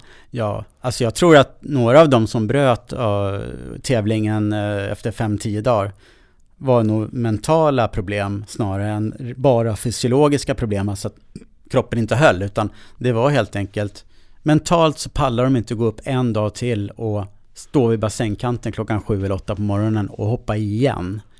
Det, det, gick liksom inte i deras huvuden, utan de bröt tävlingen och en del bröt tävlingen kanske dag fem, sex någonting och kom tillbaks dag tio. Alltså de, de fick ju fortsätta om de ville ut om mm. tävlan och gjorde några till bara för att då hade de liksom kommit över den här tröskeln att fan, jag hade ju kunnat fortsätta. Jag hade verkligen, det var, inte, det var bara mental spärr som satte var, gränsen. Varför klarade du det? För jag hade bestämt mig från början att Men det måste ju de andra också ha gjort. Ja, de flesta tror jag hade en tillräckligt stark mental inställning att jag ska klara av det. Om någon ska klara av det här så är jag en av dem. Ja. Men vi var ju övertygade om att, även fast det då var 20 deltagare på listan och man känner de flesta, att det är inte många som kommer att klara alla 30 dagar. Det var vi övertygade om. Vi mm. trodde nog, vi gissade nog mellan en och, och en och tre kanske. Alltså ja. att bara någon enstaka skulle kunna klara. Så just att dag 10 någonstans, då var vi borta kvar. Och vi hade ju alltså, 12 hade fallit bort de första 10 dagarna. Fortsätter det här, då blir det inget bra utslag i liksom, hur, hur roligt är det att dag 20 var själv kvar på banan. Mm. Alla åker därifrån och så ser man 10 dagar kvar och ska genomföra den här armen. Då är det ju också mentalt jobbigt förstås. Nu hade man ju liksom sina, ja, visst, man tävlar mot dem, men man är ändå i, som ett kompis, man är i en familj. Så att det blir ju också liksom en eh, upplevelse i sig själv. Att eh, man är många som ändå tar sig i mål varje dygn och kommer igenom hela den här tävlingen som var uppsatt. Uh, jag tänker att man måste också ta ledigt från ett jobb. För du har ju ett vanligt jobb. Ja. Du är ju civil. Jag jobbar eh, som de flesta minst en heltid och lite till. Ja. Så att... Eh, så du får ha förstående chefer som... Ja, ja. Förstår vad du gör. När vi var här nu i Italien 2013 13, då hade vi fått en dotter som vi hade med oss. Så att eh, min flickvän då hade, och jag hade fått en dotter som var knappt två år. Så att hon eh, var ju med hela tiden i princip, åtminstone på de ljusa timmarna och sprang runt helt enkelt in i parken och mm. ja, levde rövare. Och hon var ju ett glatt inslag också för ens egen mentala styrka och jag tror även andra tyckte att det var ganska kul att ha liksom någon som sprang runt och ja, gjorde mm. lite småhyss utan att för den delen förstöra tävlingen. Så att uh, det är också en sån här grej, man har någon med sig som vill ens bästa hela tiden och min fru sa ju det, eller min, min flickvän på den tiden, hon sa ju det att vi åker inte ner 30 dagar till Italien och tävlar i 30 dagar. Du ska komma hem liksom med, ja, du ska komma hem och lyckas alla dagar och mm. helst en, en podieplats också. Det, är din, det måste vara ditt mål. Ja. Det är andra som är skitduktiga på den här banan och som tränar tre gånger mer än vad du gör varje dag. Men du ska inte komma hem här och bryta ett dag 10. Utan du får bita ihop som du gjort de andra gångerna. Så att det, det är också en sån här, man måste ställa in sig. Det, det, det, finns ingenting som gör så ont så att man måste avbryta en tävling. Det kan finnas tillfällen när det gör så ont så att jag måste söka hjälp. Eh, ja, reparera mig helt enkelt på något sätt. Ta en extra sovtimme under tävlingens dag om man säger så. Du förlorar ju en timme på det i resultatlistan, men du förlorar inte så värst mycket på dygnets sätt. Nej. Om du tar en timme och ligger ner på liggunderlag och bara begrundar vad du håller på med. Men du, vad hittar du din motivation då? Vad, vad är det som får dig att ta det där extra steget och göra det här? Det är väl lite grann som eh, att jag, jag åker ju själv dit och genomför de här tävlingarna och eh, på eget bevåg. Mm. Eh, förutom då att man kanske måste ta ut en 30-35 dagars ledighet på något ena eller andra sätt. Man har med sig familjen som får stå ut med ens dum, dumheter. Det är inte bara en dagars armen som publik, man måste stå som publik som anhörig, utan det är 30 dagar. Ja. Man måste bistå med liksom tjänster, man måste åka och köpa lite mat, man måste se till att uh, kläderna finns fina dagen efter. För det är ju samma, man kan ju inte gärna ha 30 ombyten med sig till en tävling. Nej. Du kanske har 5, 6, 7 ombyten. Det gäller att tvätta, det gäller att liksom se till att dagen efter att det ligger rena fina cykelkläder och i början valde ju nästan alla till exempel att, som en vanlig armen, man har kläderna under våtdräkten. För ja. nu simmar vi utomhus så då alla valde ju våtdräkt.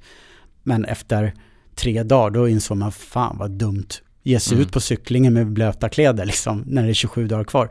Så i princip alla började välja att gå in i omklädningsrummet, sätta på sig, de flesta var helt nakna under. Mm. Och sen gick man och simmade sina 4000, kom upp i poolen, gick in i omklädningsrummet, drog av sig och sen torkade man sig. Alltså man, man tog den tiden och sätta på sig nya fräscha cykelkläder. Det... Men nu, nu glider vi från ämnet här, så att, vad, ja, vad, vad, är det som driver dig? Uh, en sak som driver mig från början, det var ju absolut att, att uh, utmana mig själv. Att mm. inte bara stanna vid en armen. För jag tyck, började som sagt var tycka att det var lite tråkigt. Uh, utan nästa steg då, vad ska jag hitta på? Ska jag springa en 10 mil eller vad ska jag göra? Då råkar ju det just land, hamna där av liksom, blev ju bara så. Mm. Och då, då, är det absolut så att ska jag åka till en tävling som jag har gett mig in på, då ska jag absolut slutföra den. Det får göra hur ont som helst. Det får ta hur lång tid som helst inom tidsgränserna. Jag ska komma i mål. Jag ska vara en av dem som kommer i mål. Och det har ju växt fram då när jag ändå presterat hyggligt bra under de här fyra, fem tävlingarna jag har gjort. Att eh, ge mig in i leken och komma ut med god vigör någorlunda och, och ha en bra placering och en bra tid som jag har eh, tänkt mig. Inför den här intervjun så pratade vi lite i telefon och då, då frågade jag liksom hur, hur, mår, hur mår skallen efter så här många tävlingar i så här långa distanser och, och många dygn. Eh, för det är ju inte bara en fysisk prestation för sen ska du ju när du väl har kommit i mål och eh, läkt ihop och sådär så kan det lämnas ett visst tomrum precis som många kanske känner igen som har gjort en stor utmaning eller en Ironman bara. Så man har tränat, man har förberett sig. Det är, det är vissa projekt att dra igenom också det här. Så hur hanterar du liksom den mentala grejen att kan du bara anmäla dig till en Ironman, typ Kalmar och tycka att fan det här kan bli lite roligt? Det är absolut så. Jag har ju kört några Ironman uh, i typ Kalmar efter det här och mm. uh, då ger jag, då blir det en annan sak, för då ger jag mig inte in att jag ska hamna på podiet, för det har jag Nej. inte kapacitet till. Utan det är snarare så här, eh, ja hur mycket jag har tränat nu? Jag har tränat fyra timmar i veckan i 20 veckor. Eh, hur mm. långt räcker det? Eh, utifrån erfarenhet och, och vilken fartresurs har jag de olika grenarna. Och då är det ju bara, de flesta som har hållit på ett tag, de vet ju ungefär att jag simmar på den tiden någorlunda, cyklar på den tiden och springer på den tiden. Om det går ihop sig då så kanske man landar på en 10 timmar plus någonting. Mm. Man kan inte tänka sig att jag kommer till Kalmar och så kör jag en 8,5 timmars tid liksom, för det har inte jag tränat för. Jag har inte den kapaciteten ens kanske. Nej. Utan då blir det, det blir mer en upplevelse att bara vara med i en sån här endagars tävling och genomföra på bästa man förmår den dagen utifrån vad man eh, har tänkt sig och, och kan prestera. Men eh, pallar du liksom ladda om för ännu ett sånt här projekt? Liksom? För det är ju det är en viss anspänning. Nu gjorde du 2015 gjorde du ramrace mm. across America som då är 12 vad sa du? 12, 12 dygn, 500 mil. Ja, ja så det, det, det, kan jag tänka är ett annat typ av lopp. För ja. där cyklar du bara liksom. Eh, berätta lite kort om det bara. Nu börjar tiden här eh, rinna ut för alla lyssnare. Eh, blöder ur öronen. Men lite kort om RAM. Ja. RAM är ju som så att det är några tiotal, kanske 30-40 personer som står på startlinjen i, på västkusten, amerikanska västkusten. Och man startar med en minuts lucka. Man har en egen crew, alltså i form av att man har en husbil oftast och en följebil. Eh, du har en exakt rutt som finns eh, på både papper och i GPS-form. Och du får inte avvika från den rutten annat än att om du avviker så måste du komma tillbaka till den exakta positionen och fortsätta tävlingen. Det är ju samma där och det var en ny grej för mig. Man kan ju tycka att jag har cyklat eh, 360 mil nästan nonstop och sådär. Men det här är liksom ute i trafik. Du är på väldigt mycket, stora delar av banan är eh, motorvägar, highways alltså. Trefiliga, fyrfiliga. Du, ibland så försvinner två filer till höger men du ska rakt fram. kommer trafik liksom i 100 blås, st stora långtradare och allting som helt enkelt ska, som i vanlig Stockholmstrafik, helt enkelt ja. åka in framför dig i den farten när du själv håller kanske 25-30. Så det är obehagliga upplevelser man får. Är det folk som dör på det här loppet? Det var ju en, när jag ställde upp nu 2015, var det en dansk som blev påkörd. Han, eh, enligt vad jag förstår så är ju inte, jag vet inte om han, han är väl livet rent med, men han är ju liksom mm. grönsak vad jag har förstått. Nu ska jag inte mm. säga för mycket men jag, mm. jag, har inte hört någonting om att han skulle må bättre än Nej. efter den dagen.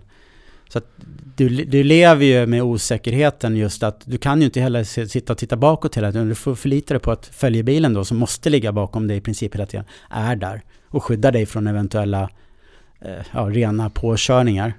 Och följebilen har ju förstås den här eh, blandare på taket så att man ser mm. ju i god tid, både natt och, på dag, att det är någonting på gång. Och så är man ju väldigt mycket saker som är på bilarna för att du ska vara extra uppmärksam på Eh, att det är någonting som är framför bilen då, om man säger så. Men annars är det ju bara, det, från början hade jag också tänkt så här liksom, lite dumdristigt att cykla 20 timmar, sova 4. Det var liksom min eh, intention. Mm. Medan jag cyklar då ska jag kunna hålla mm, grovt mellan 20-25 km i timmen. Då ska jag kunna avverka, avverka ungefär 50 mil om dygnet. Det fall, föll sig ganska illa redan från början. Eh, redan ett dygn in i tävlingen hade jag jätteproblem med värmen. Det var rekordvarmt i Arizona och Colorado det året. Alltså de sa det på vd-nyheten också. 47 grader i skuggan. Mm. Och vi, Arizona och Colorado erbjöd ingen skugga. Så mm. jag gick ju helt i däck efter ungefär 24 timmar. Hamnade på sjukhus, 6 liter dropp. Och enda anledningen att de släppte mig ut därifrån efter ungefär 8 timmar, det var att jag sa att jag måste få fortsätta. Och återigen då, det här just att jag kommer dit för att slutföra en tävling och mm. helst placera mig bra. Jag bryter inte på något sjukhus efter 24 timmar en Nej. kort in, bit in i tävlingen. Utan jag sa till dem, skynda på den där droppen lite grann så att jag försöker återhämta mig när jag kommer ut igen.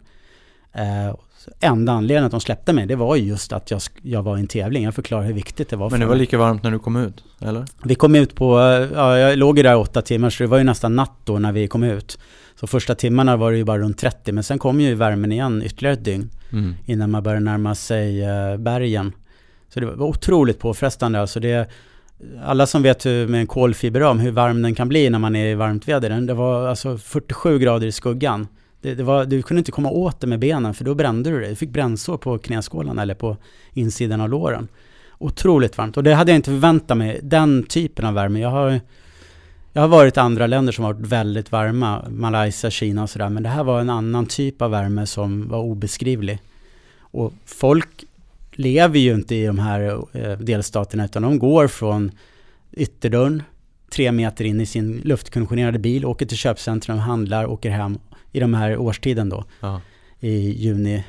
Och de, de lever liksom i en luftkonditionerad värld, inte mm. ute och cyklar. Det, är liksom, det tycker ju de förstås är eh, otroligt dumt. Men du, hur lång tid tog det att cykla? Eh, 12 dygn tog det då. Och det Var hamnade du då i placering? Ja, bland de sista. För det ja. är 12 dygn som är, liksom, är absoluta limiten. Du måste komma i mål på 12 dygn. Ja. Så att jag anpassade, när vi väl hade hämtat igen lite förlorad tid och sådär så var jag tvungen att cykla väldigt långa sträckor. Ibland ända upp till två dygn utan vila. Eh, alltså då pratar vi om sömnvila. Klart att jag någon gång klev av och gjorde toalettbesök och åt och sådär men otroligt lite sömn i flera dygn i sträck ibland. Men det det är någon annan svensk som har gjort eh, RAM? Det är två andra som har gjort RAM. En har jag varit lite i kontakt med, han bor eh, uppåt i landet i Dalarna. Och eh, han var lite äldre än mig tror jag när han jämförde. Jag var ja. 47 då när jag gjorde det här och han var nog snarare 55 tror jag. Ja. Idag är han lite över 60. Och sen även i, i, i historien så är det en kvinna som har gjort det. Okay. Uh, har dock inte, jag försökte leta upp henne liksom på någon sorts nät. Mm. För att även skaffa mig information från henne vad hon tyckte om det. Ja. Men hon gjorde det troligtvis någon gång på 90-talet innan liksom internet var utbrett.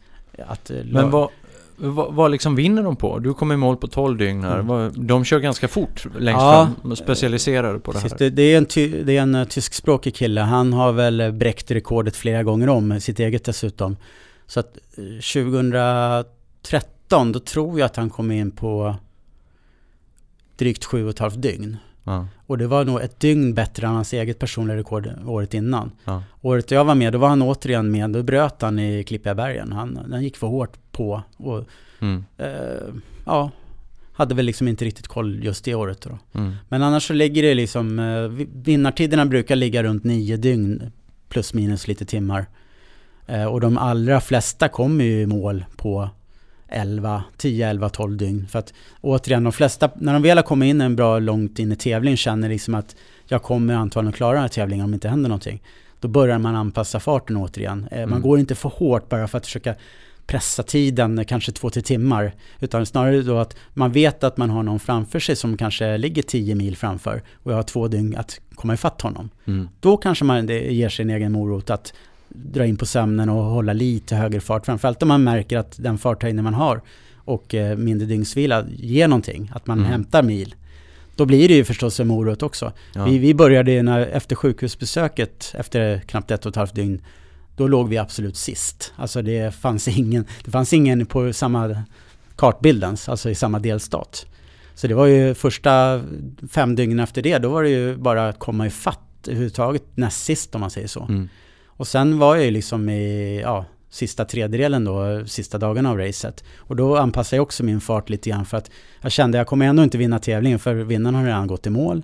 Och eh, jag är inte i bra skick för jag har jobbat så hårt för att ens komma ifatt de andra. Mm. Och nu anpassar jag bara min egen fart och försöker hålla koll bakåt och framåt. Vilka kan jag cykla ifatt och vilka är ett hot bakom.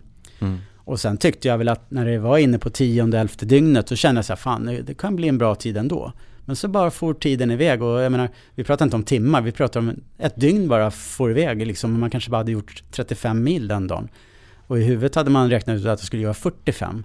Och det berodde ju helt enkelt på att man var trött, det berodde på um, att det var mycket berg, mer, mycket mer berg än man kanske hade föreställt sig. Mm. Och, och, det började ta ut sin rätt 10-11 dygn in i tävlingen. Uh, så att mot slutet då var det liksom inte kamp mot klockan, absolut inte. Men jag kände så här, ja, men nu kommer jag klara det, men kanske bara med sex timmars marginal. Innan man helt enkelt blir avstängd från banan eller får hamna utanför eh, resultatlistan överhuvudtaget. Så det var inte mycket att hämta mot slutet. Sex timmar är ingenting på tolv dygn. Liksom. Det... Eh, du Greger, den här podden börjar eh, ta ut sin rätt också. Vad jag tänkte på var, kommer du göra något sånt här lopp igen tror du? Ja, um, jag, har inte, jag har ju massor med liksom idéer på vad jag skulle vilja göra. Och mm. den ena är vansinnigare än den andra i mångas, uh, hur, hur de ser på mina idéer om man säger så. Men, och sen har jag ju familj, jag har ju två barn nu och de är bara tre och sex. Och frun, gift numera hon har ju också liksom sett ju liksom limiter på vad, vad du får göra. Mm. För vi pratade lite om vad, vad sätter gränserna för de här tävlingarna? Ja, det är ju hur många dagar kan man vara ifrån jobbet? Ja. Hur, hur många dagar kan man vara frånvarande från familjen? Även om de är med på tävlingen ja. så är man ju inte där som en förälder. Nej. Och sen kommer det till det sista som är lika viktigt, det kostar. Det kostar mm. pengar. Jag har blivit lite sponsrad av mitt eget företag, alltså det företag jag jobbar på. Men det täcker inte upp alla kostnader. Så mm. En uh, RAM-resa kostar låg budget 200 000, de flesta lägger en halv miljon. Mm. Uh, du ska ha med dig liksom massor med folk från en annan uh, kontinent. Flygbiljetter, husbilar, bensin, uppehälle, anmälningsavgifter, extra cyklar. Det drar iväg enorma summor. Ja. jag kan ju tänka mig kanske att ett ultradistanslopp i löpning, det kanske du kan ha en budget på flygbiljetten, några dagars uppehälle, två par skor och en rygga liksom. Då kanske du hamnar i en helt annan dimension av eh, kapital. Ja. Och blir du då sponsrad med, säg 50 000, då, då går det ihop sig. Mm. Blir du sponsrad med 50 000 i RAM, då ligger 150 000 back. Mm. Mm. Eh, och det är inte roligt att komma hem, även om du har lyckats med tävlingen och säga att ja, då var kreditkortet fullständigt slut. Och det, det, är inte lätt att jobba ihop 100 000 på ett kreditkort liksom. Nej, nej. Eh, utan det är det som är avbryt oftast. Så man, som alla, eh, om man säger professionella idrottare, så är alltid det innan man har nått toppen. Och i min idrott så kommer man aldrig nå liksom någon löneliga. Nej, nej. Eh, utan det är ju bara de eh, bästa i världen som har fulla sponsorer som kan ro runt de här tävlingarna. Mm. Jag tror inte ens han som vinner RAM går mer än ihop sig. Han nej. kanske har en budget på en miljon. Ja. Det gör han av med på sin tävling. För han vill ha den absolut bästa backupen av alla de slag, whatsoever. Han har till och med, han, han hyr inte en husbil utan han har en långfärdsbuss. Okay. Och du kan ju tänka vad en sån ja. kostar att hyra åtta dygn, 500 mil. Mm. Bara det lägger ju säkert med chaufförerna 100 000 för du kan ju inte bara en chaufför heller, du måste säkert ha två. Så att, eh, det handlar ju mycket om eh, pengar och tyvärr. Eh, men mina nästa projekt det blir ju antagligen någonting kanske som, som ligger rent krasst ekonomiskt på en, en tävling där man rår sig mer själv, typ löptävling. Mm. Men det finns andra projekt också som ligger längre fram i tiden. Men du, um, jag vet att du, man kan anlita dig som föreläsare. Ja. Och du pratar lite om det här. Nu har vi ju pratat uh, vitt och brett om allt möjligt så här, men uh, om man hittar dig på internet? Ja. Bara googla? Och, det är nog bara eh, googla och sen har vi en hemsida som heter motiverad.nu mm. som står lite grann om era reseberättelser om de olika tävlingarna och lite information om föreläsningar och sådär. Mm. Och jag anpassar ju föreläsningarna förstås lite grann utifrån vilken målgrupp det är. Är det cyklister då mm. berättar jag mer om RAM. De är inte så intresserade av en, när jag låg och simmade i två dygn. Är det triatleter eller löpare då anpassar jag utifrån det. Och, och i och med att jag kör även, om man uttrycker sig normala längder på mina mm. tävlingar, både löpning och cykel och, och triathlon, så har jag ju mycket att berätta om det också förstås. Hur tar man sig igen sin första Ironman? Eh, det är inte så lätt när man står där första gången i, valet och kvalet och man ska, ska anmäla sig. Och de som har gjort några Ironman berättar att alla som kommer dit till Ironman och inte ramlar omkull eller är dumdristiga kommer i mål.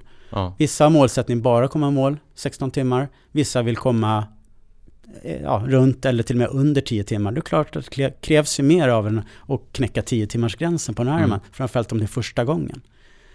Men jag ger praktiska råd och hur mycket man ska träna, hur mycket man bör träna, hur mycket man, som vi pratade om innan här också, hur mycket ska man lägga ner av ett års träning och försöka alla andra fam familjesituationer och ekonomi och jobb och det, det, är lätt att man blir helt blind och bara kör i en riktning 100% mm. i ett år. Och det är lång tid att bara köra en dags Ironman för att vinna den där sista timmen. Ja. Och det är inte säkert att man vinner den sista timmen just den dagen. Man kanske förtar sig under tävlingen. Mm. Lätt att hamna i en väldigt konstig situation som man inte är van vid. Och då slutar man ändå liksom långt längre tid än vad man hade tyckt att man förtjänar om man säger så. Ja. Tack så jättemycket för att du kom och berättade dina eh, fantastiska historier här i Unika Människor. Um, som sagt, ni kan eh, lyssna och eh, höra mer av Greger, sök på honom online eh, och eh, vi hoppas att vi ser mer av dig i resultatlistorna på sådana här äventyr framöver. Det tror jag säkert ni kommer göra. Ja. Tack så du ha. Tack så mycket. Du har lyssnat på podden Unika människor med Jojje Borssén i samarbete med Compress Sport, Vitamin Manager, Apollo Sports och Superfruit. Glöm inte att ge podden ett betyg i iTunes. Sprid podden genom hashtaggen unika människor. Tack för att du lyssnat!